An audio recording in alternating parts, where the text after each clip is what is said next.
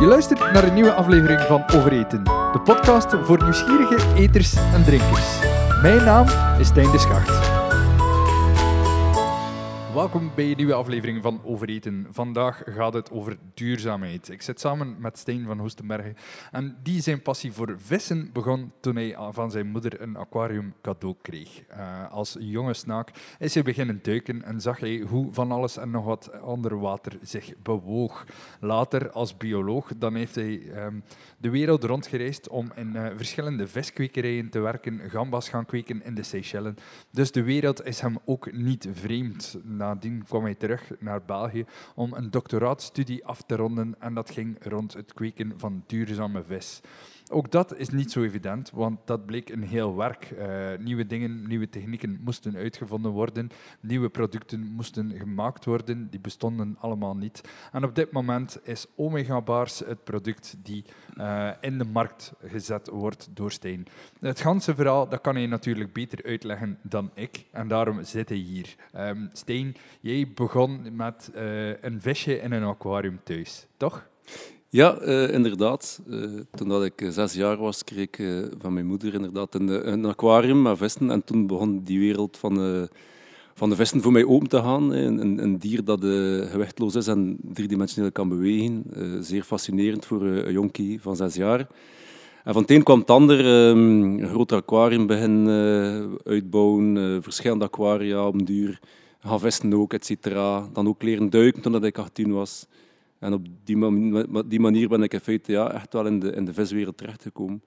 En dan heb ik ook beslist om uh, de latere studies eigenlijk een beetje rond vis te doen. Ik heb biologie gestudeerd aan de KU Leuven. En dan eigenlijk uh, ook de opties uh, marine biologie en aquacultuur gekozen. Um, voilà, dat was eigenlijk een beetje mijn, mijn carrière toen ik jong was. En dan heb ik, ben ik voor mijn thesis naar Zuid-Afrika geweest. Heb ik daar ook met vissen gewerkt. Heb ik daar eigenlijk echt het, de aquacultuursector leren kennen. Want hier in België bestaat dat eigenlijk niet echt.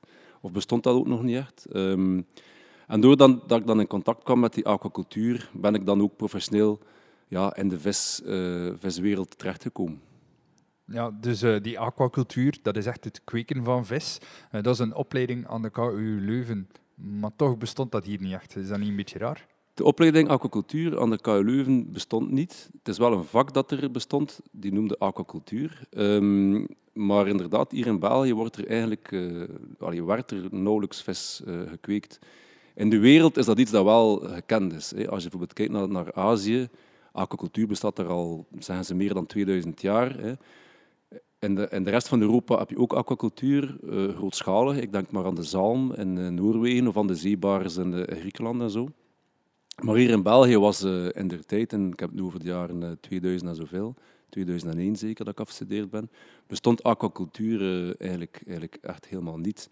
Er zijn wel opleidingen aan universiteiten inderdaad. In Gent heb je een grote opleiding aquacultuur, in Leuven heb je dat ook. Ondertussen, maar toen in die tijd had je in Leuven enkel een vak, een van de vele vakken in de masters biologie, die aquacultuur was. Als ik dan denk aan aquacultuur, dan denk ik eigenlijk voornamelijk aan mensen die uh, een aquarium hebben en visjes kweken voor het aquarium. Is dat dan misschien verkeerd uh, om dat zo te zien? Ja, dat is uh, inderdaad helemaal... Allee, de, de, de aquarium is inderdaad ook, kun je beschouwen als aquacultuur, maar dat gaat dan over eigenlijk een aantal meestal tropische of, of, kooi, of kooivissen gaan produceren om naar kleur en schoonheid te gaan verkopen aan mensen die dat dan thuis in een aquarium steken. Maar de echte aquacultuur gaat eigenlijk over het kweken van dieren die worden opgegeten, die worden geconsumeerd. Meer dan de helft van de vissen dat je eet, worden gekweekt ondertussen. Um, ik denk dat ondertussen al 60% is van de vissen dat je eet, worden gekweekt. Ik denk bijvoorbeeld aan zalm. 99, zoveel procent van de zalm die mensen eten, wordt gekweekt. Zeebaars van hetzelfde, dorado royal van hetzelfde. Bijna alle hambas dat je eet, worden gekweekt. Dus ja, aquacultuur is vooral eigenlijk gericht op die miljoenen tonnen per jaar die gekweekt, die gekweekt worden om, om te consumeren dan. Ja, jij hebt dat dan gedaan en uh, je zei dat je net in Zuid-Afrika een eerste proevertje gekregen hebt, als het ware. Dan ben je ook uh, naar Spanje gegaan, geloof ik, uh, ook in de Seychellen, zoals ik zei in de intro. Hoe ben je daar overal naartoe gegaan? zuiver je interesse gevolgd en opportuniteiten gepakt waar ja, je die kon nemen? in feite wel, ja. Um, aangezien dat het dus in België ook niet had bestond, die, die bedrijfstak, heb ik het in het buitenland gezocht en gevonden. Ben ik naar daar getrokken, heb ik daar mijn, mijn ervaring op gedaan. En dan ben ik teruggekomen naar België. Um, heb ik gewerkt in een, in een, uh, een bedrijf die voeders maakt voor, uh, voor de viskweek. En dan heb ik de kans gehad om eigenlijk aan de KU Leuven een doctoraat te doen over duurzame visteelt. En dan is het verhaal van de omega-bars begonnen. Die, die, die vis, um, ja, veevoeder, veevoeder kun je dat eigenlijk niet noemen, maar die visvoederfabriek, eh, jouw ervaringen van um, de, de, de viskwekerijen, die hebben jou daar naartoe geleid. Want in Klopt. veel viskwekerijen, ja, die moeten eten, die halen ja. niet uit het wild. Heel, uh, heel belangrijk onderdeel in de, in de viskweek is het visvoeder. Uh, alleen al de kost is uh, in de meeste gevallen is dat meer dan de helft van de, van de kostprijs van, de, van productie. En natuurlijk, hoe voeder zorgt voor een goede groei, et cetera. Hoe voeder is ook heel moeilijk te maken. Um, dat is ook het moeilijkste stuk aan viskweek, het is het voedermanagement. Dus op die manier ben ik dan inderdaad terechtgekomen in uh, dat, dat Belgisch bedrijf. Um, en dat ik dan ook die ervaring dat ik daar heb opgedaan over visvoeders gebruikt om dan die visvoeders te maken voor omega-bars zonder uh, vismeel en visolie, et cetera. als ik aan, aan vissen denk, ja, vis, dat eet meestal vis of krabbetjes of garnalen. Um, de, de bijvangsten van heel veel uh, visserij, die gaat daar naartoe. Ja, dat is helaas uh, niet alleen de bijvangsten. Um, het grote probleem, en dat is ook een van de redenen waarom dat ik met, die, met dat doctoraat en met omega-bars ben, ben begonnen, is dat um, een derde van de vissen die wordt gevangen in, volume, wordt gebruikt als visvoeder. Dus dat is niet enkel de bijvangst. Ook, ook wordt bijvangst gebruikt om vismeel van te maken. Maar het overgrote deel van de, de vissen die worden gebruikt voor visvoeders, worden speciaal daarvoor gevangen. Um, ik dacht dat het vorig jaar iets van een 30 of 40 miljoen ton aan vis was die gevangen werd om te dienen als visvoeder, om te dienen als veevoeder. Eh, is dat dan in België of, of wereldwijd? Nee, nee, dat is wereldwijd. Okay, ik heb over wereldwijde... Dat is een serieus gewicht. Ja, dat is een serieus gewicht. Maar het is wel natuurlijk vooral de, de vissen die wij, of de, de garnalen die wij hier in de westerse samenleving eten. Het zijn vooral deze die nood hebben aan die uh, uh, viseiwitten. Hè. Als je kijkt naar uh, bijvoorbeeld Zuidoost-Azië, waar dat men meer laagtrofische dieren eet, zoals karper en zo, ja, daar heeft men veel minder viseiwitten voor nodig. Maar hier... wat, wat bedoel je met laagtrofisch? Laagtrofisch wil zeggen laag op de voedselketen. Hè. Dus wij, wij eten in, in, in Europa vooral de carnivore soorten. Hè. Kabeljauw, tonijn, zalm, uh, tarbot, harnalen ook, zijn allemaal carnivore dieren. Die staan eigenlijk relatief hoog op de voedselpyramide, waardoor je ook veel viseiwitten nodig hebt om die te laten groeien. Hoe lager dat een dier op de piramide staat, hoe minder eiwitten dat hij nodig heeft en hoe minder carnivore eiwitten dat hij nodig heeft, hoe minder dierlijke eiwitten, dus hoe duurzamer dat je ze in feite kunt kweken met duurzamer voedsel. Dus je kunt die dan eigenlijk plantaardig gaan voederen. Dat is ook hetgeen dat wij eigenlijk met omega-bars gedaan hebben. We hebben omega-bars gekozen omdat, het een, omdat die laag staat op de voedselpyramide. Want als ik het goed begreep, dat is geen vis die bij ons voorkomt. Nee. nee hoe, omega-bars... Hoe, heb je die vis gevonden? Jij bent uh, gaan duiken en dacht van, ik kan hier alle vissen even aflopen. Ja, wel. Het was, uh, was maar zo. Um, het was iets, ja, moeilijker dan dat. Um, wij hebben in feite een, een literatuurstudie gedaan. Uh, we zijn zo begonnen, uh, samen met, um, met iemand van uh, Leuven Research and Development aan de KU Leuven. Hebben we in feite gezocht naar verschillende vissen die in aanmerking komen om duurzaam gekweekt te worden. En we hadden een aantal parameters um, waarop dat we ons dat gebaseerd hebben om die keuze te maken. En de belangrijkste parameter was dus die de omnivoriteit, dus het, het laag trofische van, de, van, het, van het dier, dat die dus niet met heel veel eiwitten moest gevoederd worden. Maar ook dat het een um, zoetwatervis was eigenlijk. Een zoetwatervis, omdat in mijn ogen uh, kun je het afval, het is, gewoon eigenlijk wel zo, het afval van een zoetwaterviskwekerij kun je gebruiken als meststof voor, voor planten. Bij een zeeviskwekerij had dat, dat niet. Je kunt dat misschien gebruiken voor, voor bepaalde gewassen te telen, zoals zeekraal en zo. Maar dus een zeevis, zeeveskwekerij water kun je niet gebruiken voor planten mee te gaan telen. En ten derde, ook belangrijk, was dat het een warmwatervis was. Want wij wisten dat we de vis moesten gaan kweken in een gesloten systeem. Maar een gesloten systeem wil zeggen dat je ook veel warmte hebt, door de filters en zo dat je gebruikt. Een warmwatervis groeit ook sneller en kost in feite minder energie, hoe raar dat het ook klinkt, dan een koudwatervis te gaan telen in een gebouw. Omdat je eigenlijk niet moet gaan koelen. Omdat we niet moeten gaan koelen, exact. Ja. Dus dat, was eigenlijk, dat waren de drie grote parameters. En dan hadden we, hadden we een shortlist van een twintigtal vissen en op nummer 1 stond in een omega-baris. Ook omdat we wisten dat die in gevangenschap kon zich verder kweken. Want een belangrijk vereiste aan, aan, aan kweken is dat je dus kunt verder kweken, dat je dus kleintjes kunt maken in gevangenschap. En dat lukte dus, dat lukte dus met omega-baars, weliswaar in Australië. We hebben er dan ook lang over gedaan om dat hier te kunnen doen, maar we zijn er dan uiteindelijk wel in geslaagd om die vis ook hier lokaal te gaan kweken. Maar dus dat was een beetje de zoektocht geweest naar uh, de ideale vis. Voor ons was dat, was dat dus omega-baars. Uh, en ik moet wel zeggen dat ik, uh, als ik nu alles weet wat ik weet na al die jaren, dat ik wel heel blij ben dat het, dat het die vis is. Oh, wat bedoel je daar juist mee? Ah, wel, dat we toch wel merken dat de vis is die inderdaad relatief gemakkelijk en duurzaam kan gekweekt worden in een gesloten gebouw hier in België. Um, dat de, de productiekosten zijn relatief hoog, maar het valt goed mee. Ik denk heel veel andere vissen dat je op dergelijke manier zou gaan kweken, zou nog een heel pak duurder zijn en nog een heel pak moeilijker te gaan kweken. Ik heb dus niet gezegd dat het gemakkelijk is om te doen, maar het is gezien alle, alle parameters uh, wel een juiste keuze geweest. Ik denk bijvoorbeeld ook aan die warmte.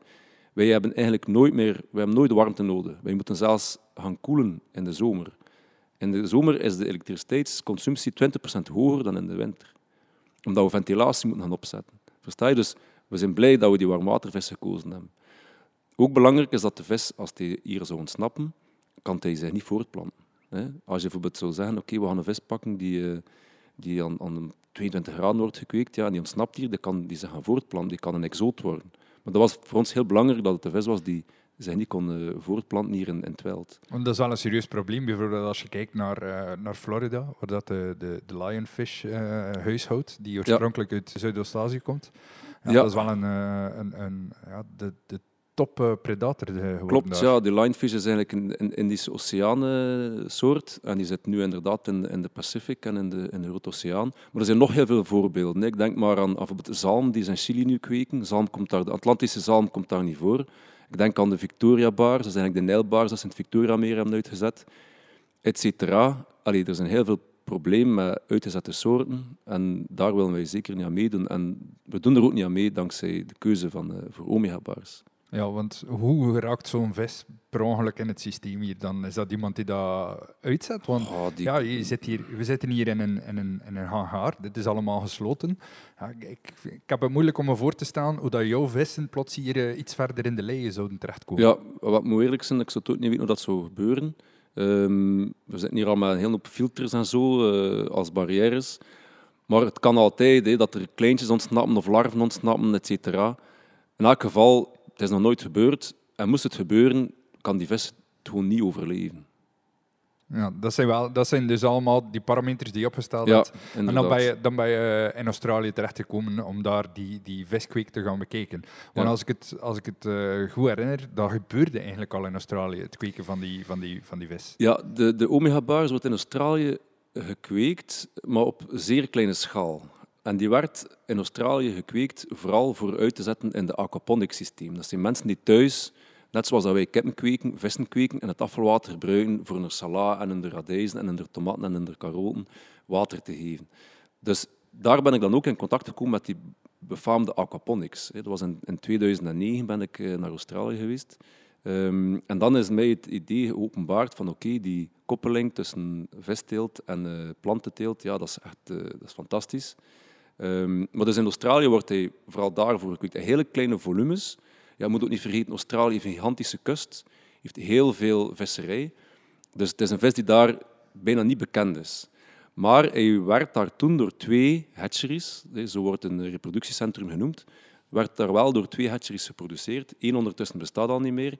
Maar dus er is één hatchery, één bedrijf die de vis doorkweekt.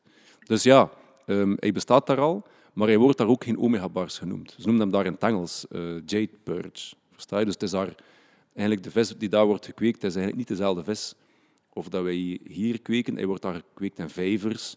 Hij wordt daar gekweekt met, voeders waar er wel vismeel in zit en zo.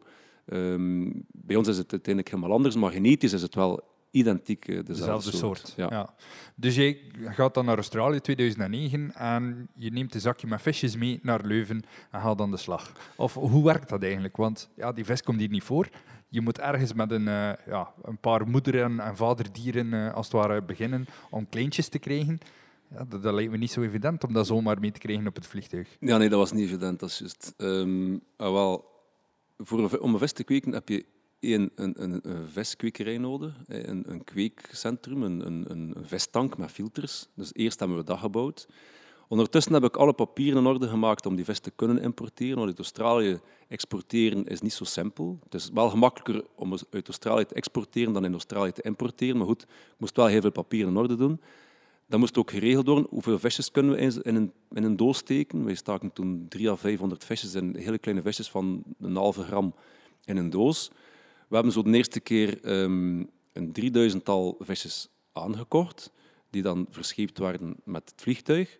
Die zijn toegekomen, hebben die gelost in ons systeem, ons systeem afgesteld, in naar zuurstof, naar, naar alle waterfiltratietechnieken die we hadden, uh, ons systeem gefine-tuned. En dan zijn we eigenlijk begonnen met die voederproeven te doen om dat vismeel en die visolie uit de voeders te halen. En dat was eigenlijk het, het, het gros van mijn doctoraat. Om die voeders zo te fine-tunen dat we erin slagen om vegetarische voeders te gebruiken om de vis te gaan uh, laten groeien. Dat was een heel belangrijk onderdeel van, van mijn doctoraat. Natuurlijk hebben we ook in die tijd bepaalde filters afgesteld. En hebben we ook de, de larvale teelt, dus de, de, de kleine larfjes, uh, geprobeerd om die groot te krijgen. En, en na mijn doctoraat in feite, in 2013, hebben we dan het bedrijf hier opgericht, uh, Aquaforcy. We zijn we beginnen bouwen uh, in 2014. En in 2015 is de eerste vis dan in feite um, hier gelanceerd. En juist op dat moment zijn we er ook in geslaagd om de vis te gaan zelf reproduceren. Zodat we dus niet meer afhankelijk zijn van die import uit Australië. Want dus die eerste vijf jaar bijna constant moeten importeren? Dat was één keer per jaar dat wij tien dozen uit Australië importeren omdat de vis ook vijf à zes jaar oud moet zijn, alvorens dat hij reproduceerbaar is. Dus die, die, die beesten moeten al relatief oud zijn en groot zijn om te, kunnen, om te kunnen reproduceren. Dus wij hadden voor de proeven, voor alle proeven die wij deden, alle voederproeven, alle technieken die wij proberen uit te dokteren, hadden wij wel die, die kleine visjes nodig uit Australië. Maar nu niet meer. Dus nu hebben wij eigenlijk ja, ongeveer een half miljoen vissen nodig per jaar. Die kweken wij allemaal zelf. Dat is uh, toch een pak gemakkelijker dan? Zeker weten. Liever zelf kweken. Ja, maar dus die vijf jaar, dan, dan krijg je eigenlijk vijf jaar de tijd om dat allemaal op punt te zetten. Hoe weet je dan eigenlijk al hoe dat die vest maakt? Ja, ja, dus dat was ook een belangrijk onderdeel eigenlijk. Um, toen dat we het idee hadden van oké, we moeten meer doen met die vest dan alleen maar wat onderzoek doen, we moeten daar eh, een bedrijf mee oprichten, hebben we natuurlijk wel echt de smaak ook gecheckt. We hebben met veel koks samengewerkt. Um, onder andere eh, Jeroen Meus ook... Uh, gecontacteerd om, om zijn mening te kennen. Eh, en heel Logisch, veel... want een, een, een Leuvense ja, we zaten in Leuven, onderzoekinstelling. Voilà, ja. En dan ook met de, met de mensen van Arenberg, um, Lieve de Meester en Ton Dirks. Ja, hebben we echt die vissen onder de loep genomen en, en een paar event, evenementen meegedaan en zo. En die vis werd echt wel heel erg gesmaakt. En toen wisten we van oké, we zitten hier met een teeltechnische vis, we zitten met een duurzame vis en met een lekkere vis. En bovendien bleek het dan ook nog een keer super gezond te zijn. Dus hadden we zoiets van oké, ja, we moeten nog veel doen, maar let's go.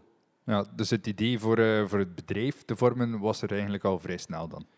Ja, na, na een jaar of twee eigenlijk. Ik denk in 2011 zijn die plan beginnen rijpen.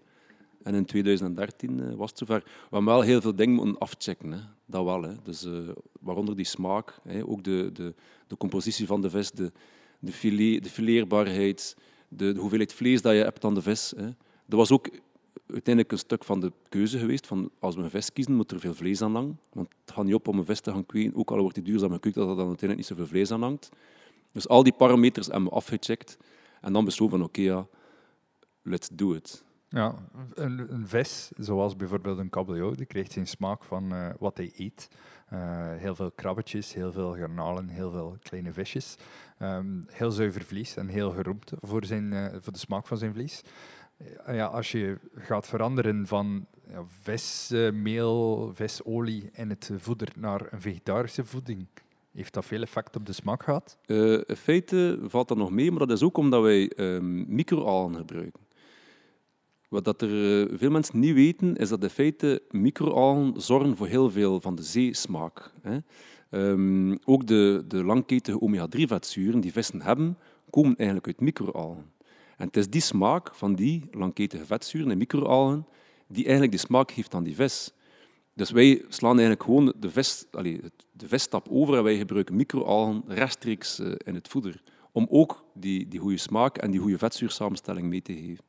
En waar haal je die? Kweek je die dan ook? Wij kweken die niet zelf, nee. Wij kopen die aan bij, bij leveranciers. We hebben leveranciers die macroalgen leveren, hè, zeewierstukjes. En we hebben ook leveranciers die microalgen leveren. Er zitten in, on- in ons voeder zit er iets van een veertigtal ingrediënten. Waaronder die micro- en die macroalgen. Ja, het is wel een, eh, wel een boeiende proces, denk ik dan, om, om te gaan kijken van oké, we gaan hier niet te veel eh, onze smaak aantasten als we zelf ons voeder aan- ontwikkelen. Ja, klopt. Je moet ook, als je, als je voederproeven doet, hè, wij doen nog altijd voederproeven, wij zijn vers- verschillende duurzame ingrediënten ook aan het, aan het checken of dat we ze kunnen gebruiken. Een vast onderdeel van de voederproef is de smaakproef. Wij werken dan met een smaaklabo samen, die dan gaan onderzoeken van oké, is er een effect van bepaalde ingrediënten op de smaak van het, eh, van het vlees. En dat is er ook wel soms. Ook de kleur bijvoorbeeld. Hè. Dus ik denk aan de kleur van de, van de filet, kan je sturen via, via het voeder. Zalm bijvoorbeeld is roze, omdat ze in het voeder bepaalde roze ingrediënten steken. Ja, want normaal gezien komt dat vanuit kreeftjes en, en Ja, maar eh, ja, een eh, gekweekte zalm die heeft dat niet. Die, heeft, die krijgt dat niet, dus daar voegen ze, daarom voegen ze carotinoïden aan het voeder toe om die zalm roze te laten zijn. Ja. Welke kleur eh, heeft de omega-bars eigenlijk? Ik zou het moeten pijzen. Van buiten of van binnen? Van vlees, van, eh, van structuur. binnen. Ja, van, nee, van binnen is die, is die, is die wit. Ehm, wit met zo'n beetje roze nervering hè, van, de, van, de, van de bloedvaten. Ja, is dat, de, is dat hier, als je dat kweekt, te vergelijken met hetgeen dat je in het wild zou zien? Van kleur is dat nagenoeg hetzelfde, maar van smaak is het toch nog iets anders. Ik vind de, de smaak in Australië toch minder goed dan hier. Ehm, maar de textuur is wel een beetje... de- Het zicht en de textuur is wel een beetje hetzelfde. Ja, maar dat is waarschijnlijk dan omdat dat in het wild n'importe quoi eet, als dat laag op de, op de voedselketen staat. En dan, Ja, ja inderdaad. dan krijgt dat een beetje een, een, een modderige smaak, om het zo Het is, te het is zeggen. zo, ehm wilde zoetwaterdieren die in modder zitten, smaken ook wel een beetje naar modder. Eh, en bij wilde dieren heb je dat veel meer dan bij gekweekte dieren. Bij ons heb je in het systeem heb je geen modder, dat zijn eigenlijk betontanken. Je hebt daar geen moddersmaak in, dus dan hebben we ook die moddersmaak niet. Maar in het wild heb je dat wel. Ja, dus dat, eh, dat is dan ook wel een voordeel om te gaan kweken, dat je dat ook kan uitzuiveren en gaan sturen. Ja, inderdaad. Eigenlijk is, is eh, de, de kwe- een kweek is iets efficiënts. Hè. Dus je kunt gaan sturen waar nodig, je kunt gaan, gaan, gaan bijregelen. Je hebt veel meer controle, ook naar biosecuriteit. Ehm, dus het zijn alleen maar voordelen. En ja, het biedt ook eh, werkgelegenheid. Voilà. dat is eh, alleen maar voordelen natuurlijk. Uh, je, had dat nu, je had juist gezegd dat zo de, de, de waterstromen, de reststromen, gebruikt kunnen worden voor planten eh, te, gaan, te gaan voeden. Als je hierop rijdt op het bedrijf, dan passeer je hele, hele grote serres van een tomatenbedrijf. Je bent in 2015 hier open gegaan. Hoe gemakkelijk was dat om dat bedrijf, de buren eigenlijk mee te krijgen in overal van ik heb hier eh, vissen, Ehm, de, ja, eh, het restwater van die vissen kunnen jullie gebruiken. Eh, ben je geïnteresseerd? Dat klinkt toch een beetje vreemd. Dat, klink, dat klonk toen heel vreemd. Ook al omdat het toen, die aquaponics-principes, dat was totaal niet gekend in die tijd. En ik weet nog, toen ik in 2013 eh, naar hen toestapte, dat zij dachten dat, dat, dat ik eigenlijk hier vis ging kweken in die vijvers hierachter. En ze snapten niet goed hoe dat we dan eigenlijk dat water aan die tomaten gingen geven. Dus, allee, ik heb dat allemaal moeten uitleggen. Ik heb het allemaal ook uitgelegd gekregen. En ze waren er eigenlijk heel snel in mee. Ze zagen het eigenlijk echt wel zitten. hè. Soms, omdat ze- soms moet, je, moet je er een tekeningetje bij maken. Ik vind Ja. dat dat wel heel mooi op de website staat van, eh, van eh, de Omega Bars. Hoe dat systeem werkt. Dus het, tekeningetje helpt wel. Tekeningetjes helpen zeker. Ja. Het, een beetje simpel voorstellen helpt om te snappen wat je doet.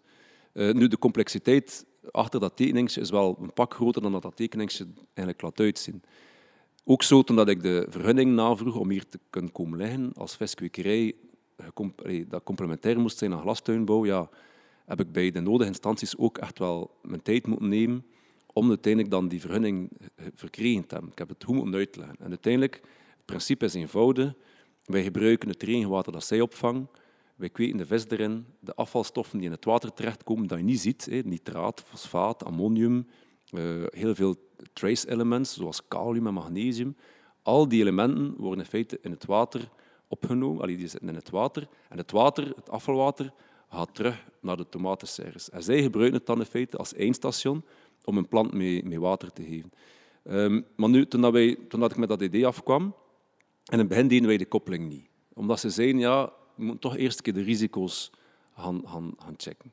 We hebben dan een project gediend, een onderzoeksproject gediend bij Cleantech, hè, bij Vlaanderen, om eigenlijk het hele gebeuren in kaart te brengen en alle risico's toch een keer op te gaan lijsten. Dat was ook een vereiste van, van hun verzekeraars, hè, um, om, om zeker te zijn. Voilà. Een verzekeraar wil zeker zijn. Hè. Um, alle begrip, voilà. We hebben dan uiteindelijk alles um, in kaart gebracht en we hebben gezien dat er dat, dat alleen maar voordelen zijn. En ondertussen, sinds 1 oktober 2018, dat is dus al drie jaar, had al ons water dat wij als afvalwater eh, produceren, had integraal naar de tomatenservice. En dat had ondertussen nu over 150 kub aan water per dag dat zij uh, opgebruiken. Nu, zij hebben meer water nodig dan het water dat wij hebben. Zij verbruiken een, een drietal keer meer water dan het water dat wij uh, verbruiken. Dus zij vullen ook aan met gewoon uh, regenwater. Dus dat is in feite ja, hoe dat het werkt. Hè. Wij gaan al, onze, al ons afvalwater met al onze meststoffen die opgelost zijn in het water naar hen sturen. Dus wij lozen in feite niet op de beek. Hebben zij al gezegd dat dat een verschil maakt voor hen? Ja, zij besparen 10 à 15 procent meststoffen. Um, ze hebben ook water die al zuurstofrijk is, want wij, wij rekenen het water aan met zuurstof. En het is ook water die een continue temperatuur heeft. Dus ze zijn er alleen maar blij mee. Het is echt al een win-win situatie. Ja, dat uh, was ook een van de, van de dingen op je checklist natuurlijk, voordat je hier kon komen vestigen. Want ja, we zitten in Kruishoutem, op de grens van Oost- en West-Vlaanderen bijna. Dat is een eentje van Leuven wel. Ja, inderdaad. Ja. Nu, ik, woon, uh, ik ben, zelf West-Vlaming, dat doortje, denk ik wel. En ik woon in Gent. Um, maar ik had contact met de, met de mensen hier van het PCG, het proefcentrum eh, voor de groenteteelt, hier in Kruishoutem, waar wij al tijdens mijn doctoraat die testen deden op die aquaponics, op de koppeling tussen tomatenteelt en, uh, en viskweek. En via hem ben ik in feite in contact gekomen met de familie Vlaming, met het feit dat er hier juist op dat moment eigenlijk een stuk terrein was die te koop werd gesteld. En eigenlijk op die manier ben ik dan hier terechtgekomen. En voor mij is het natuurlijk ook, Gent Kruisoutem is minder ver dan, dan Gent Leuven. En aangezien dat het hier uiteindelijk de ideale locatie was, met de ideale buren en de ideale serres, zijn we dan ook natuurlijk, hebben we natuurlijk gekozen om dan naar hier te komen. Ja, dan in 2015 ben je hier beginnen echt kweken. Um, hoe lang duurt dat dan voordat je echt de markt op kon met dat product? Dat duurde in het begin, uh, dus vooraleer dus dat de, toen dat de kwekerij klaar was, hebben we in drie à zes maanden geproefdraaid. En dan, hebben we nog, dan zijn we de vis beginnen volop kweken en dan duurde het een jaar tegen dat de vis volgroeid is. Dus dat is in feite een jaar en een half. Dus dat was denk ik eind 2015 of 2016 dat we dan eigenlijk langzaamaan op de markt zijn gekomen. Ja, want dat is ook niet zo evident. Iedereen kent tong. Uh, ik, ik, had een uh, podcast met, uh, met een visser uit Oostende, en die zei van ja, in het binnenland kennen ze maar twee soorten. Dat is kabeljauw en tong. En ja, hoe kom jij dan met een, een nieuw soort vis waar niemand ooit iets van gehoord heeft af? Hoe, hoe ging dat dan? Ja, ah, wel, dat, veel uitleg. Hè. Um, omdat, we zaten ook al met het probleem dat um, viskweek heeft een beetje een slecht imago dat komt doordat er heel veel zaken in de media worden uitgesmeerd.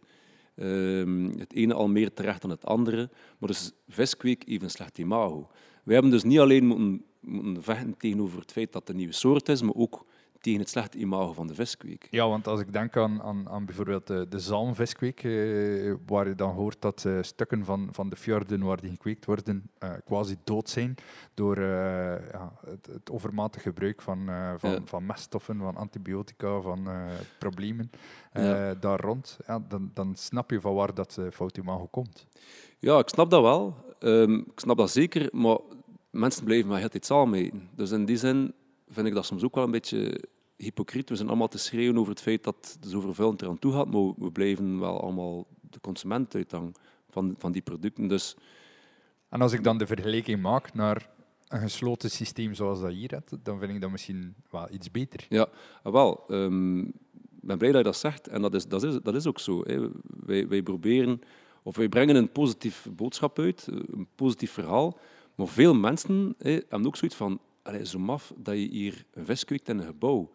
Nu begint dat anders te zijn, maar een jaar of 10, 20 geleden ja, werd dat ook allemaal als heel vreemd bezien. Vis kweken in een gebouw. Allee, dus niet, vergeet, niet vergeten, eh, de baal die at of eet vooral graag grote wilde zeevis. Wat doen wij? Wij kweken een kleinere, gekweekte zoetwatervis dan nog een keer in een gebouw op het land. Hoe onsexy kun je zijn? Hè? Te, veel ehm, hipper om zo een eh, ja, lekkere grote zeevis eh, op, je, op je plateau te leggen dan, dan een gekweekt klein zoetwatervisje. Maar als je kijkt naar de impact die wij hebben, hè, doordat wij geen vis eh, gebruiken in ons voeder, zodat, ook het feit dat wij geen, geen afvalwater hebben, ja, is het uiteindelijk wel de meest ethische keuze. En ik denk dat dat uiteindelijk, we zien dat ook, wel meer en meer iets is dat de mensen wel echt wel verstaan. Maar we zijn wel echt door een traject gegaan van jaren uitleggen aan mensen waarom dat wij dat doen. En nu heb ik het gevoel dat de mensen dat, dat verstaan. Dat er heel veel problemen zijn in de wereld met voedsel, eh, aanvoer, et en duurzaamheid rond producten, zijn we wel een product die verstaan wordt eh, door de mensen. Maar we hebben natuurlijk nog weg af te leggen. Wij, zijn nog altijd zeer weinig gekend. Ik denk dat, dat 1 op 10 balen omega-bars kent, zal niet veel meer zijn dan dat. Dat is al redelijk veel, vind ik. Dat is al niet slecht, inderdaad. Ja. Ja. Ja, als je vergelijkt met bijvoorbeeld de, de andere Belgische tussen aanhalingstekens, kweekvissen, zoals eh, een, een paling, wat dat niet echt een kweekvis is al, of, of bijvoorbeeld de, de Ardense forel.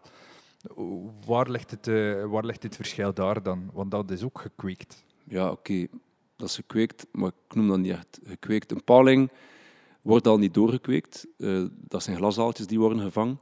Vergeet niet dat de paling die hier nu wordt gekweekt, dat dat eigenlijk paling is die vooral uit het verre buitenland komt, hè, uit Australië of uit de States. Ehm, dus paling noem ik geen kweekvis. Ten tweede, die Ardense forel wordt ook niet gekweekt. Allee, die wordt wel afgezwommen hier in, in Ardennen, maar die komt eigenlijk uit Frankrijk. Dus eigenlijk, welke vissen worden er gekweekt in België? Door professionals op grotere schaal, dat is Steur. Door uh, Joosten Luik, Sauka Bio, die fantastische caviar levert. Um, dan zijn er nog een aantal telers die karper kweken, meer voor de uitzet. Um, er is iemand die um, fantastisch goede hambas kweekt in Ternat. Uh, en dat zit ongeveer, van vis en van, van. Hè. Je hebt natuurlijk ook de mosselteelt en de, de oesterput die, die wat oesters kweekt. Maar dan heb ik het ondertussen wel allemaal gehad, denk ik. Ja, dat is, uh, dat is natuurlijk weer uh, iets anders, die, die twee klappigen, uh, ja. dan, dan, dan vis uh, en garnaalachtig. Ja, helemaal juist. Maar dus ja, je stapt dan uh, 2016 de, de, de winkel binnen, de, de vishandel om de hoek, en je zegt van, hey, hier is mijn omega-baars, hier, uh, zo ziet de vis eruit. Proef je? En wat zijn dan de eerste reacties eigenlijk? Uh, de eerste reacties waren allemaal, ja, we hebben dit voor. uh, we hebben dit voor een nieuw ding en dit en dat. Van, van de meeste, maar het zijn er ook veel, allee, een aantal die daar wel echt in meegingen. Die daar echt wel in geloven. Um, dus ja, je moet het product inderdaad gaan aanbieden. Je moet mensen proeven. En proeven wil zeggen niet alleen de smaak, maar ook de textuur bekijken. Dus ja, je moet ook dan de eindconsument bereiken. Dus het is een kwestie van heel langzaamaan de nodige stappen te ondernemen om iedereen mee te krijgen in het verhaal.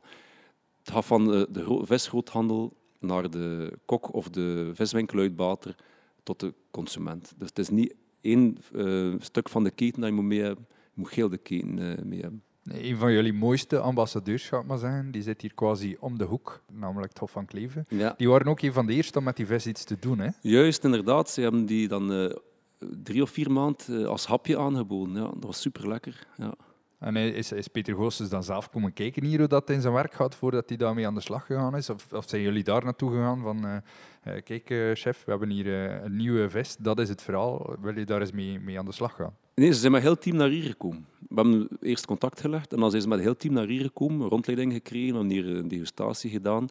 En, en heel team was ook enthousiast om te zien dat er in, in, in Kruishoutem, of in, ja, ondertussen Kruishem, dat er eh, een van de duurzaamste vissen wordt gekweekt, waar dat ook een van de beste restaurants ter wereld ligt. Dus dat kwam maar goed uit. Ja, en dan, dan gaat het natuurlijk eh, deuren open. Toch naar, naar de restaurants toe. Ja, zeker weten. Maar het is meer dan enkel ergens op het menu staan. Hè. Je moet ook de beschikbaarheid hebben. We hebben dan ook echt gewerkt aan de beschikbaarheid van, de, van het product. Op een bepaald moment waren we dan te veel aan het verkopen. Konden we met de productie niet volgen. Dan hebben we de productie opgeschaald. En nu hebben we het gevoel dat we echt op het punt staan dat we heel veel product hebben, genoeg product hebben en dat we ook iedereen kunnen aanbieden. Op een Ehm, consistente manier. op een consistente manier. Ja. Jij had een aantal vissen die eigenlijk al verkocht waren nog voor ze geslacht werden. In feite wel, ja. We hadden in feite al bestellingen van de vis die nog moest groeien. Dus eh, het, ging, het ging dat heel rap. Konden we niet volgen, zaten we weer op de andere kant van, de, van het spectrum. Ehm, hadden te veel vragen en te weinig aanvoer. En eerst hadden we te veel aanvoer en te weinig vraag. Dan hadden we te veel vragen en te, veel, te, weinig aanvoer, eh, te weinig aanvoer. Een beetje dat accordeon-effect. En ondertussen zitten we nu op het punt dat we en genoeg aanvoer hebben en genoeg vragen in feite. Dus dat we in een beetje op een, op een, ja, een, een, eh, een execo zitten. Ja, want we hadden wel even de rem moeten, eh, moeten dichthouden om even die ademruimte opnieuw te creëren. Ja, ja, ja. We hebben in feite ehm, in 2019, eh, doordat, doordat die verkoop te snel ging, konden we niet genoeg kleintjes maken. En we hebben dan in feite ja, moeten werken om die kleintjes, die capaciteit van die kleintjes op te drijven. We hebben dat gedaan, maar natuurlijk heb je dan een gat in productie. Ondertussen is dat gat eigenlijk opgevuld en hebben we genoeg product. Maar het is natuurlijk als enige leverancier, hè, moet je echt wel zorgen dat je altijd product hebt. De meeste landbouwproducten heb je heel veel leveranciers van. Er zijn veel mensen die kippen kweken, er zijn er veel die varkens kweken. Je hebt veel kabeljauwvangers, et cetera. Maar wij zijn de enige die omega-bars kweken. Dus als wij het niet kunnen leveren, kan niemand het doen. En meestal in de agro werd je eh, shifts. De een had leveren en dan de andere had erachter leveren, et cetera. Maar als wij niet konden leveren, ja, dan, dan viel het stil. Ehm, gelukkig hebben we ook wel veel klanten gehad die geduldig waren met ons en die ook wel begrepen dat een nieuw product, ja, dat je soms een keer met een, een, een productie eh, had kunt vallen. Maar ondertussen is dat opgelost. En dat is wel leuk om te zien dat we nu met een hele consistente eh, productie zitten. Zowel naar kleintjes als naar de growth fase toe. Dat, is, eh, dat leek mij dat je toch wel redelijk wat stress moet gehad dan in heel die periode van oké, we gaan een bedrijf starten, naar oké, nu kunnen we eindelijk product leveren, maar niemand koopt het. Eh, ja, dat, Ja, ja eh, zeker weten. Zeker weten. En, en, vo- en vooral het gekke was eigenlijk dat toen dat wij die, dit bedrijf hier bouwden, konden we de vis nog niet reproduceren. En dan zijn we erin geslaagd, juist eigenlijk op tijd. maar dat was inderdaad wel... Oké, we konden wel importeren uit Australië, maar allee, weet je, duurzame vis kweken hier, om dan vis te importeren met vliegtuig uit Australië, allee, ja, ik vond dat eigenlijk al heel moeilijk. Dus we waren juist op tijd klaar om die vis te gaan reproduceren. Dus we hebben heel veel dingen in orde moeten zetten om het te kunnen doen. En inderdaad, eh, heel veel stress en heel veel slaaploze nachten. Want in het begin hier, eh, met die systeem, ja, we hebben meer dan 250 alarmpunten. S'nachts in het weekend, et cetera, ehm, ging die alarm af. Ehm, ook in het weekend moet je naar hier komen voor de kleintjes eten te geven, enzovoort, voor een opvolging te doen. Dus het is echt wel iets dat nooit stilstaat. Dus de, de mensen die hier werken, een dikke pluim, want het is echt wel niet simpel. Het is, het is een, eh, een landbouwtak. En in de landbouw moet je continu met je producten bezig zijn. Zijn het planten of dieren? Alles dat leeft, heeft continue opvolging nodig. En dat is echt wel iets dat heel veel mensen eh, onderschatten. Hoe, hoeveel werk dat is, hoe zwaar dat het is om altijd eigenlijk aanwezig te zijn. En zeker dan als, als, ja, als techter, als zaakvoerder, en dan komt het ook wel allemaal op jouw nek terecht. Eh, wel, ondertussen ben ik geen zaakvoerder niet meer. Ehm, ik ben natuurlijk nog bestuurder en ik doe de onderzoeksprojecten. Ehm, maar inderdaad, alle zaken die, er, die mogelijk zijn, worden met het bestuur in feite allemaal bekeken, hoe dat we het kunnen oplossen. Eh, en met, de, met nodige geduld eh, en, en de energie ook, heel veel energie, eh, slagen we er wel in om iedere keer alle problemen op te lossen. Eh, De aanhouder wint. het is, ik ging net zeggen, het is heel moeilijk te verliezen van iemand die blijft doorgaan. Ja, Ehm, inderdaad, klopt. Ja. Maar dus de, de, die, die vis, ik, ik had ook gesproken met een aantal mensen. Als je, als je daar in 2019 op je, op je ja, bijna je breekpunt zit van, eh, van, van leveringen, dat je ook ja, het risico liep van te vroeg te gaan slachten en dan te hebben die qua kwaliteit niet voldoende was. Ja, wij hebben toen eigenlijk, omdat we moesten leveren, eh, een beetje de fout gemaakt om de vis te klein te gaan slagen. Dus we hebben toen eigenlijk vis geslacht van ongeveer 300, 350 gram. Ehm, nu, er zijn nog vissen die worden opgegeten aan 350 gram. Het probleem is dat we eigenlijk toen onze stoks hebben uitgeput, omdat je met hetzelfde individu dan maar de helft zoveel vlees overhoudt. Dus als je ze laat groeien tot 500, 600 gram, heb je dubbel zoveel vlees, of dubbel zoveel volume, vergeleken met een vis van 300 gram. Dus ja, wij, wij, hebben toen eigenlijk geslacht omdat we bang waren, eigenlijk. Had zo zijn. Hè. We hadden een beetje angst over het feit dat we misschien ja, tekort gingen komen, dat we, dat we uit de rekken gingen vliegen. Ehm, en toen hebben we beslist inderdaad om, om kleiner te gaan slagen. Wat dat in feite achteraf gezien niet de beste oplossing was. Maar ja, natuurlijk, achteraf gezien is het altijd gemakkelijk. Maar inderdaad, we hebben toen eh, vis geleverd die, die te klein was. Klopt. Ja. Dat is een van de groeipijnen dat we, dat we hebben ondervonden. Ja. Maar andere dingen, anderzijds, er zijn ook veel goede dingen eh, uitgekomen, denk ik. Want eh, je bent ook op een andere manier gaan beginnen verpakken dan dat standaard is. Gaan kijken van hoe kunnen we dat hier ook in ons verhaal meenemen. Eh, Ja. Want het lijkt in- inderdaad ergens absurd dat je de meest duurzame vis ter wereld ontwikkelt, om die dan eh, in plastic verpakkingen eh, te gaan leveren. Ja, inderdaad. De ver- verpakking is belangrijk. Hè. Wij, wij, hebben bijvoorbeeld, wij werken niet met isomo, dus alle vis die hier vertrekt gaat in kratjes weg. Die komen terug, die worden gewassen. Dus dat is eigenlijk een recyclagesysteem. Ook in de, in de winkel. Die, die kratjes, is dat dan zoals de, de, de plastic bakken Ja. die in de vismijn en op de, op de Ja. schepen te zien zijn? Ja, inderdaad, dat zijn die bakken. Nu, er wordt ook heel veel, nog altijd met, met veel isomo gewerkt ook. Hè. Dus isomo met ijs en dan wordt isomo uiteindelijk eh, weggesmeten of, of in, in, een, in een recyclagemachine herbruikt. Maar isomo is, vind ik toch wel een product dat we zo weinig mogelijk zouden moeten gebruiken. Dus eh, wij werken met die kratjes. Hè. Eh, en in de winkel is het ook, wordt het ook verpakt in, in duurzame verpakkingen. Dus ehm, dat is echt het, het verhaal doortrekken. Ja, natuurlijk, om de vis van hier tot overal te krijgen, daar is er een transport tussen. Ehm, Ja. Daar ga je natuurlijk moeten groeien naar een bepaalde schaal om zelf dat op een duurzamere manier te kunnen organiseren, neem ik aan.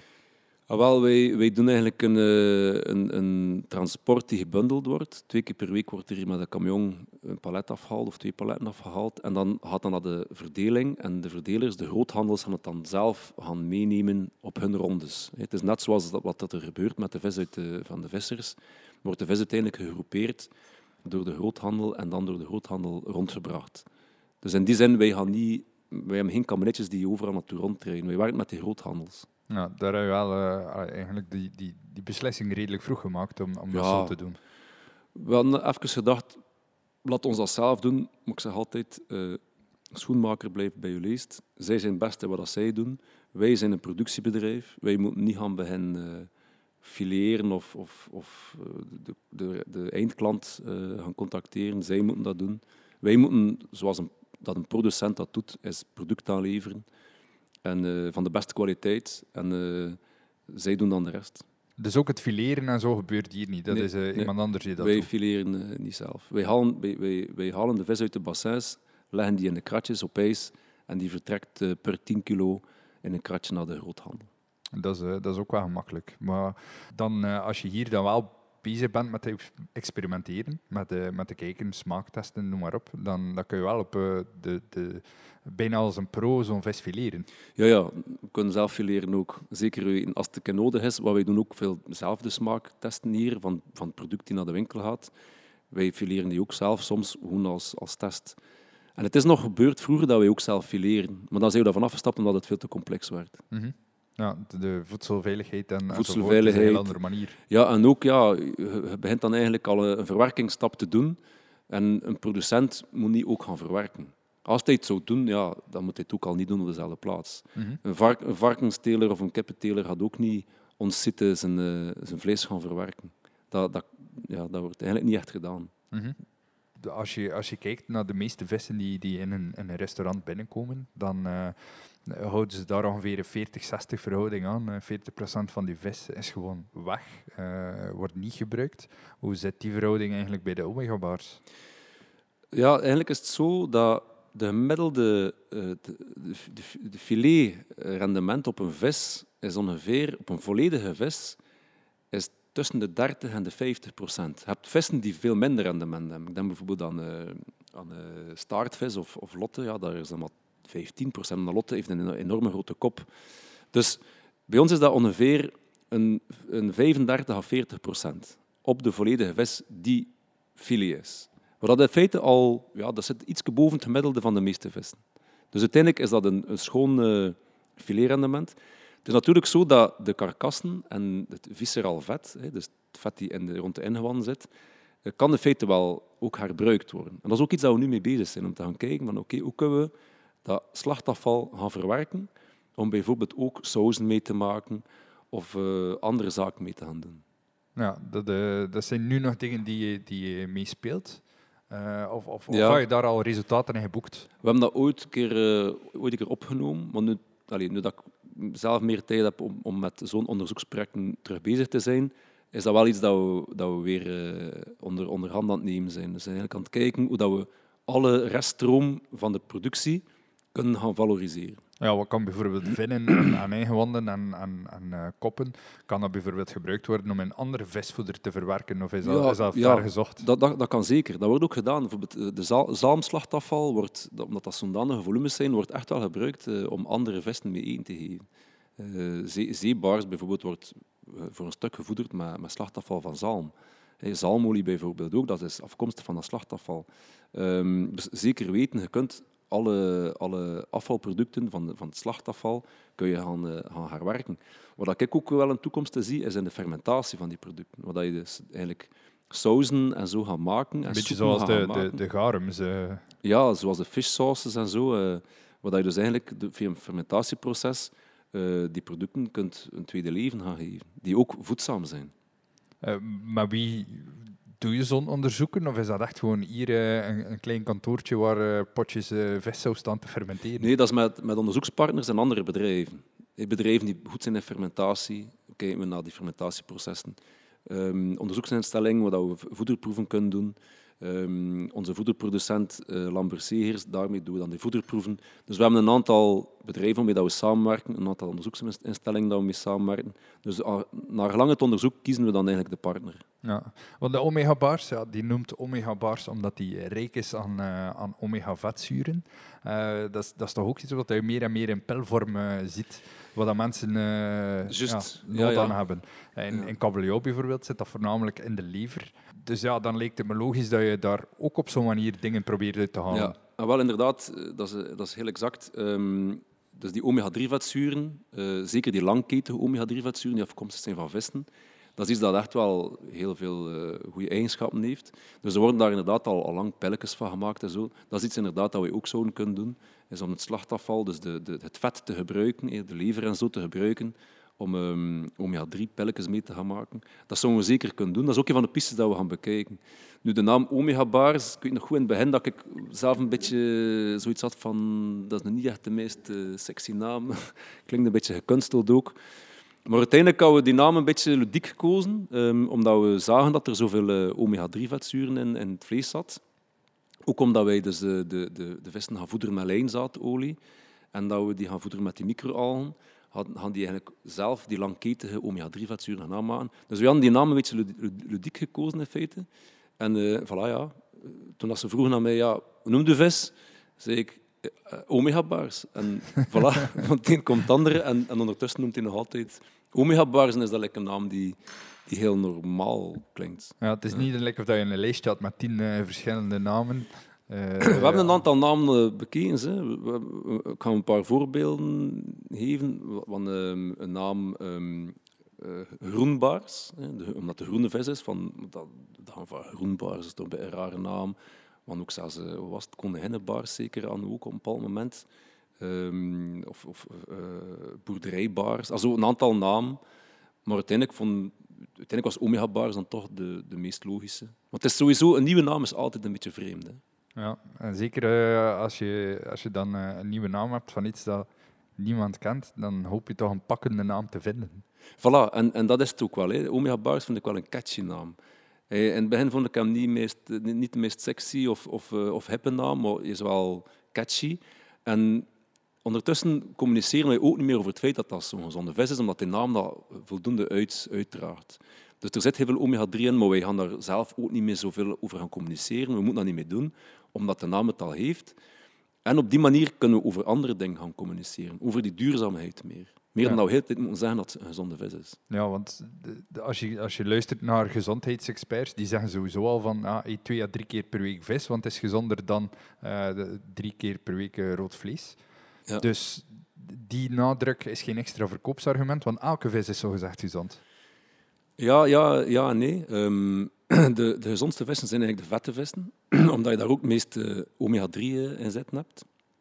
De magere vissen zijn daardoor ook minder gezond. Een kanttekening vind ik ook, is dat vissen die hoog op de voedselpiramide staan, die gaan ook een meer accumulatie hebben van heftige stoffen in het water. Um, bijvoorbeeld tonijn die kan te veel kwik of te veel cadmium hebben in zijn vlees, omdat hij zo hoog op de voedselpiramide staat. Dus de gezondste vissen zijn eigenlijk de vettige vissen die laag op de voedselpiramide staan. Bijvoorbeeld omega-bars natuurlijk, maar ook eh, sardine of makreel. Dat zijn in mijn ogen de gezondste, de gezondste vissen om te eten. Of maar ons, ook, uh, ons, ons, gekende sprotje hier aan de kust. Voilà, dat is eigenlijk een soort sardine. Daarnaast zijn, zijn twee kleppigen in mijn ogen ook wel duurzame en gezonde keuzes om te gaan eten. Oesters en, mossels zijn, zijn gezonde producten. Dat, dat, is 100%, uh, daar ben ik 100% akkoord mee. En voor mensen die meer willen weten over oesters, want er al net over had, over de oesterkweker in Oostende. Ja. Dat is de allereerste aflevering van uh, deze podcast. Ah, Max. Ja. Dus gewoon even terugscrollen en luisteren. Even terzijde. Goed, Alright. Maar uh, ja, dus de, de, de volgende stappen voor, voor Omega Bars, dat is natuurlijk van, van 1 op de 10 bagen naar 10 op de 10 bagen gaan, neem ik aan. Maar hoe, hoe moet dat realistisch? Hoeveel vis wordt er nu geproduceerd? En hoeveel vis wil je gaan produceren in, in de toekomst om, om echt een, een verschil te gaan maken? Ja, ah, wel, het is eigenlijk zo dat um, er wordt de dag van vandaag in België een 300.000 ton dat is een enorm getal. 300.000 ton aan visserijproducten geconsumeerd. Ik heb het over bruto gewicht. 300.000 ton. Wij produceren hier in Creusautem op dit moment een 100 ton per jaar. En we gaan waarschijnlijk evolueren naar 120 à 150 ton. Als het heel efficiënt allemaal gebeurt. Dus dat wil zeggen, 150 ton op 300 ton, eh, dat is nog geen dat is nog een procent. Hè? Mhm. Dat is nog een tiende van de procent zelfs. Dus uiteindelijk, die groeimarge is er wel. Ehm, maar het grootste probleem is het kunnen duurzaam kweken. Um, ik denk aan, aan waterverbruik. Dat is het belangrijkste.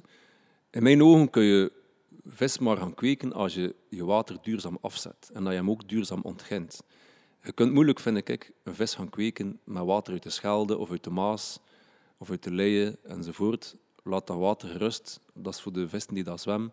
Um, je kunt ook moeilijk beginnen water gaan opboren. Er is al niet veel duurzaam water in België niet meer. Dus in mijn ogen is de beste manier om vis te gaan kweken, oftewel duurzaam te gaan ontginnen via een duurzame grondwaterlaag of via regen. De regen die valt op serres.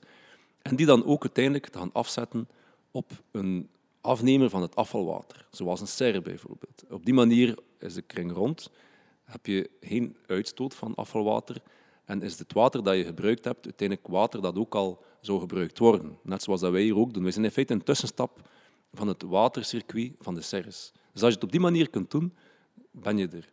Maar dus in die zin hè, moet je dat wel kunnen doen. Je moet serres hebben, je moet mensen hebben waarmee je samenwerkt om dus die, die kringloop te kunnen, te kunnen volbrengen. En dat is in mijn ogen meer de bottleneck dan genoeg vis, dan, dan niet genoeg klanten te hebben voor je vis. Die klanten zullen wel komen. We moeten alleen zorgen dat dat niet te lang duurt. Hè, omdat we natuurlijk ook moeten verdienen. We moeten mensen betalen, we hebben hier acht werknemers. We moeten iedereen betalen, we moeten de voeders betalen, we moeten de, onze energie betalen, et cetera. Dus we moeten natuurlijk wel die vis verkopen. Maar in mijn ogen, in de, in de toekomst, is het grote probleem niet de afzet, maar eerder het te kunnen produceren op een duurzame manier. Ja. Hoe zie je dat dan, uh, als er een grotere vraag wordt, zie je dat dan door een extra loods hiernaast aan te bouwen of uh, op andere locaties te gaan produceren? Uh, allee, het concept werkt, het concept staat er. dan zou het toch eigenlijk simpel moeten zijn om bijvoorbeeld in, uh, zeg maar in Nederland, in, uh, in, in het stuk uh, naast Rotterdam, ergens een stuk grond te vinden naast een serre en dat ook te kopiëren. Ja, klopt. We zijn ook effectief nu bezig met een volgende grotere kwekerij te dimensioneren en we hebben eigenlijk al ook een locatie waar dat het hoogstwaarschijnlijk zal komen. ik kan er nog niet te veel over vertellen, maar inderdaad, dat is ook altijd de bedoeling geweest van hier de kwekerij in Creusautem. Eigenlijk is dat een, een pilootkwekerij, uh, waar dat wij wel nu ondertussen superveel kleine visjes kunnen kweken. Veel meer dan dat we in feite hier zouden nodig hebben. We hebben heel veel moederdieren ondertussen, heel veel verschillende bassins moederdieren. We hebben hele goed uitgebouwde hatcheries, dus, uh, waar we de larven kunnen uh, opkweken. En dat is uiteindelijk gedaan met het oog op de toekomst van oké, we moeten hier een grotere kwekerij gaan produceren dan de kwekerij hier in, in De volgende kwekerij zal minstens dubbel zo groot zijn als degene dat we hier hebben in Cruzotem. Maar die zal normaal gezien niet in Cruzotem komen, omdat we ook een beetje voorzichtig willen zijn. We willen dit hier als kweekinstallatie gebruiken. Dus alle visjes zullen wel hier geproduceerd worden, om dan ergens anders uh, opgekweekt te worden. Net zoals dat ook al zo bekend is voor zijn, uh, voor zijn eiers die dan hier gekweekt worden en ergens anders worden uitgebroed. Mm -hmm. uh, of, of de, de kippetjes. Dat is een beetje hetzelfde idee om in Cruzotem de kleine visjes te kweken die te transporteren naar een andere kwekerij en die daar dan groot te gaan brengen. Eh, voor mij ziet dat er ook uit als consument dan als een product die lokaal gekweekt gaat worden, wat dat ook misschien duurzamer is dan uh, een product van uh, de andere kant van Europa te laten komen.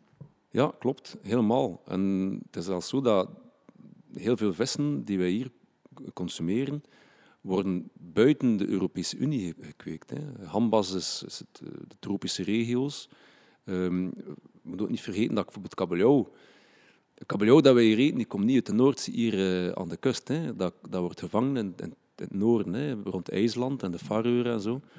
Dat werd vroeger uh, daar gevangen door onze vissers, maar nu wordt het door hun vissers, daar, hun gevangen vissers daar gevangen en op een, uh, op een vliegtuig naar hier gezet. vliegtuig gezet naar hier. Dus al, de kabeljauw dat je op je bord krijgt, dat komt niet twee dagen geleden door een visser hier in België aan een Nieuwpoort afgezet of is hij afgezet. Je zei dat je aan de vistrap in Oostende had, daar heb je nog de kans dat er een kabeljauw s'nachts daar kun je, Daar kun je nog een keer een kabeljauw tegenkomen. Ja. Maar dat is niet de grote orde van kabeljauw die er wordt gegeten hier in België. Dat zijn kleine hulletjes, uh, zoals we zeggen. Ja, een klein hulletje, inderdaad. Ja, dus dat, uh, ja maar dat, dat, dat lijkt wel boeiend. Maar uh, dan bijvoorbeeld op, op culinair vlak, waar wil je met, met de Omega Bars naartoe? In elk restaurant geserveerd worden? En enkel in de beste restaurants? Hoe, hoe zie je dat? In elk restaurant, dat gaat niet gaan we hebben daar niet genoeg uh, vis voor. Maar natuurlijk ja, in de restaurants die, er, uh, die ermee starten, zoveel mogelijk. Um, maar ja, uh, het moet vooral goed geserveerd worden.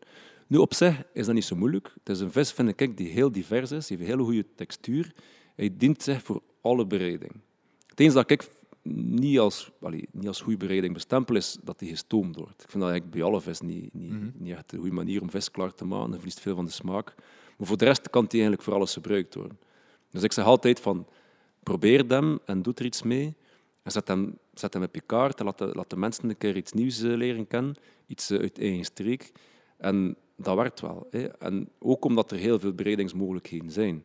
Je kunt hem uh, uh, gerookt...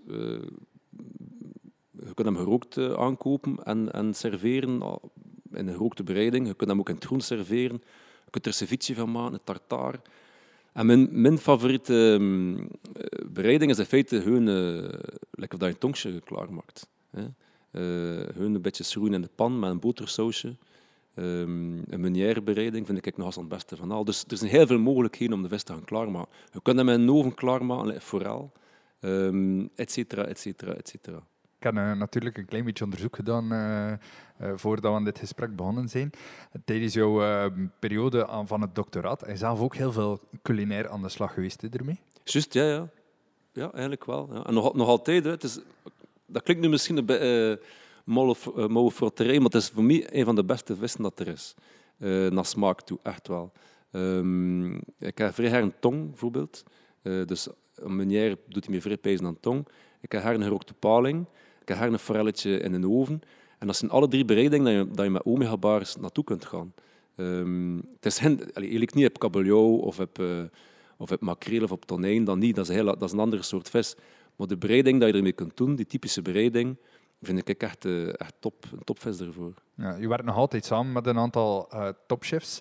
Zijn er daar eigenlijk dingen waar je echt van verrast was? Dat je dacht van, ah, zoiets had ik zelf nooit aan kunnen denken? Wat die bereiding in het groen, dat was ook een dat, uh, dat was Jeroen Meus, denk ik, die daarmee afkwam. En dat was echt inderdaad de schot in de roos. Um, omdat uh, paling in het groen is ooit gemaakt geweest omdat de kruiden die groeiden naast de beken, dat was een beetje hetgeen dat de arme mensen kosten, kosten ja, plukken. plukken en zo. Ja. Voilà. En daarmee maakten ze dan die saus voor die, voor die paling. En eigenlijk is dat een schitterend gerecht. Die zuren van die saus, dat komt ideaal bij die, bij die vettige vis tot zijn recht. Um, maar een ander gerecht dat ik ook uh, heel verwonderd over was, was die, uh, die ceviche. Dus dat je eigenlijk door bij citroen of, of limoen toe te voegen, dat je die texturen van die vis zo, veranderen. En omdat het stevige vis is, heb je ook nog altijd de goede beet in, in die ceviche.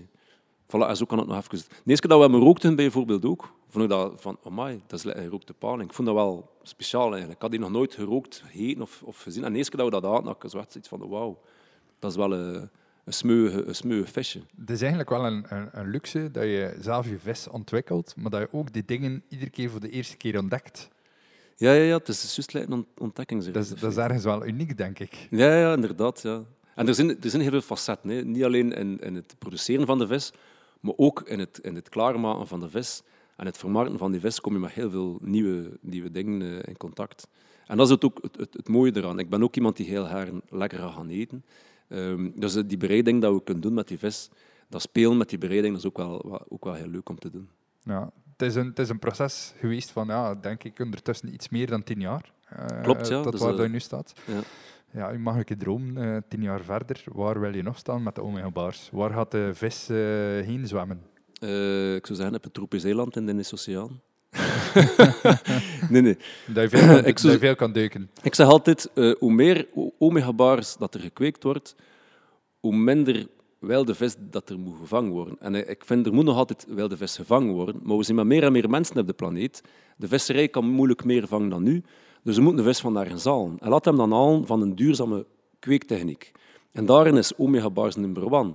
Dus ik heb zoiets van, oké, het is jammer dat je die dieren moet slachten. Ik zeg ook altijd, heel eerlijk, het is allemaal beter moest een veganist zijn. Maar dat, ga je, dat gaan we nooit slagen. Dat, dat is ook, denk ik, veganisme, ik heb er soms mijn twijfels bij. Vegetarisme is iets anders, maar vegetarisme kan even uh, belastend zijn voor, voor, voor, het milieu dan als je soms wat vis eet en wat kip eet. Hè. Dus met andere woorden, we moeten blijven vis eten, denk ik, of we gaan blijven vis eten. Laat ons dan die vis halen uit een duurzame bron. En als die lokaal wordt geproduceerd, weet je ook in alle vertrouwen dat die goed wordt geproduceerd. We zijn hier allemaal voor heel veel dingen enorm streng, uh, ook maar goed. Um, maar allee, laat het ons dan halen van de eigen bodem met een, met een vis die je kunt vertrouwen, die op een duurzame en ethische manier wordt gekweekt. Ja, dus uh, eigenlijk doorzwemmen en, uh, en rustig groeien klinkt het. Ja, doorzwemmen, gas geven en rustig groeien. En uh, hoe meer mensen die omega-bars leren kennen, hoe beter. Hè. Het is uiteindelijk een, een, een lokaal product. Dus uh, voilà. Ja, de meer info over uh, het tekeningetje waar dat ik het dan net over had, over het circulaire uh, proces, Verhaal, ja. uh, dat kunnen ze gewoon vinden op de website van Omega Bars. Ook waar recepten, geloof ik, staan ook op Klopt, jullie website. Ja, ja. Hebben ook wel wat, wat, wat filmpjes, denk ik, op YouTube, met zo wat recepten die erop staan. Ja. Voilà, ideaal. Dus uh, mensen die geïnteresseerd zijn om met de vis aan de slag te kunnen, die vinden meer informatie op de website. En natuurlijk de beste manier om er iets mee te doen, is naar je lokale vishandel uh, gaan vragen om een omega-bars te krijgen. Hè. Ja, voilà. Hem ernaar vragen. Heeft hij hem niet, vraagt dat hij ernaar vraagt bij zijn groothandel. En doe maar een beetje lastig, zodat hij het zeker heeft. Voilà, dat klinkt uh, als een goed idee. Voilà, Stijn, uh, ik wil je super bedanken om in deze podcast aanwezig te zijn. Ik vond het uh, een heel leerrijk gesprek en ik ben heel blij dat ik het verhaal van de Omega Bars op zo'n manier aan leren kennen. Ja, dank u wel, Stijn.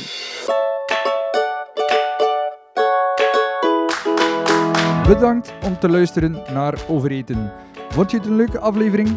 Deel deze podcast dan zeker met andere foodies. Tag me gerust op Facebook of Instagram via @overetenpodcast. Honger naar meer? Dat is mijn maandelijkse nieuwsbrief vol eet, drink en luisterplezier. Schrijf je in via de website, dat is www.overetenpodcast.be. Bedankt en hopelijk tot binnenkort.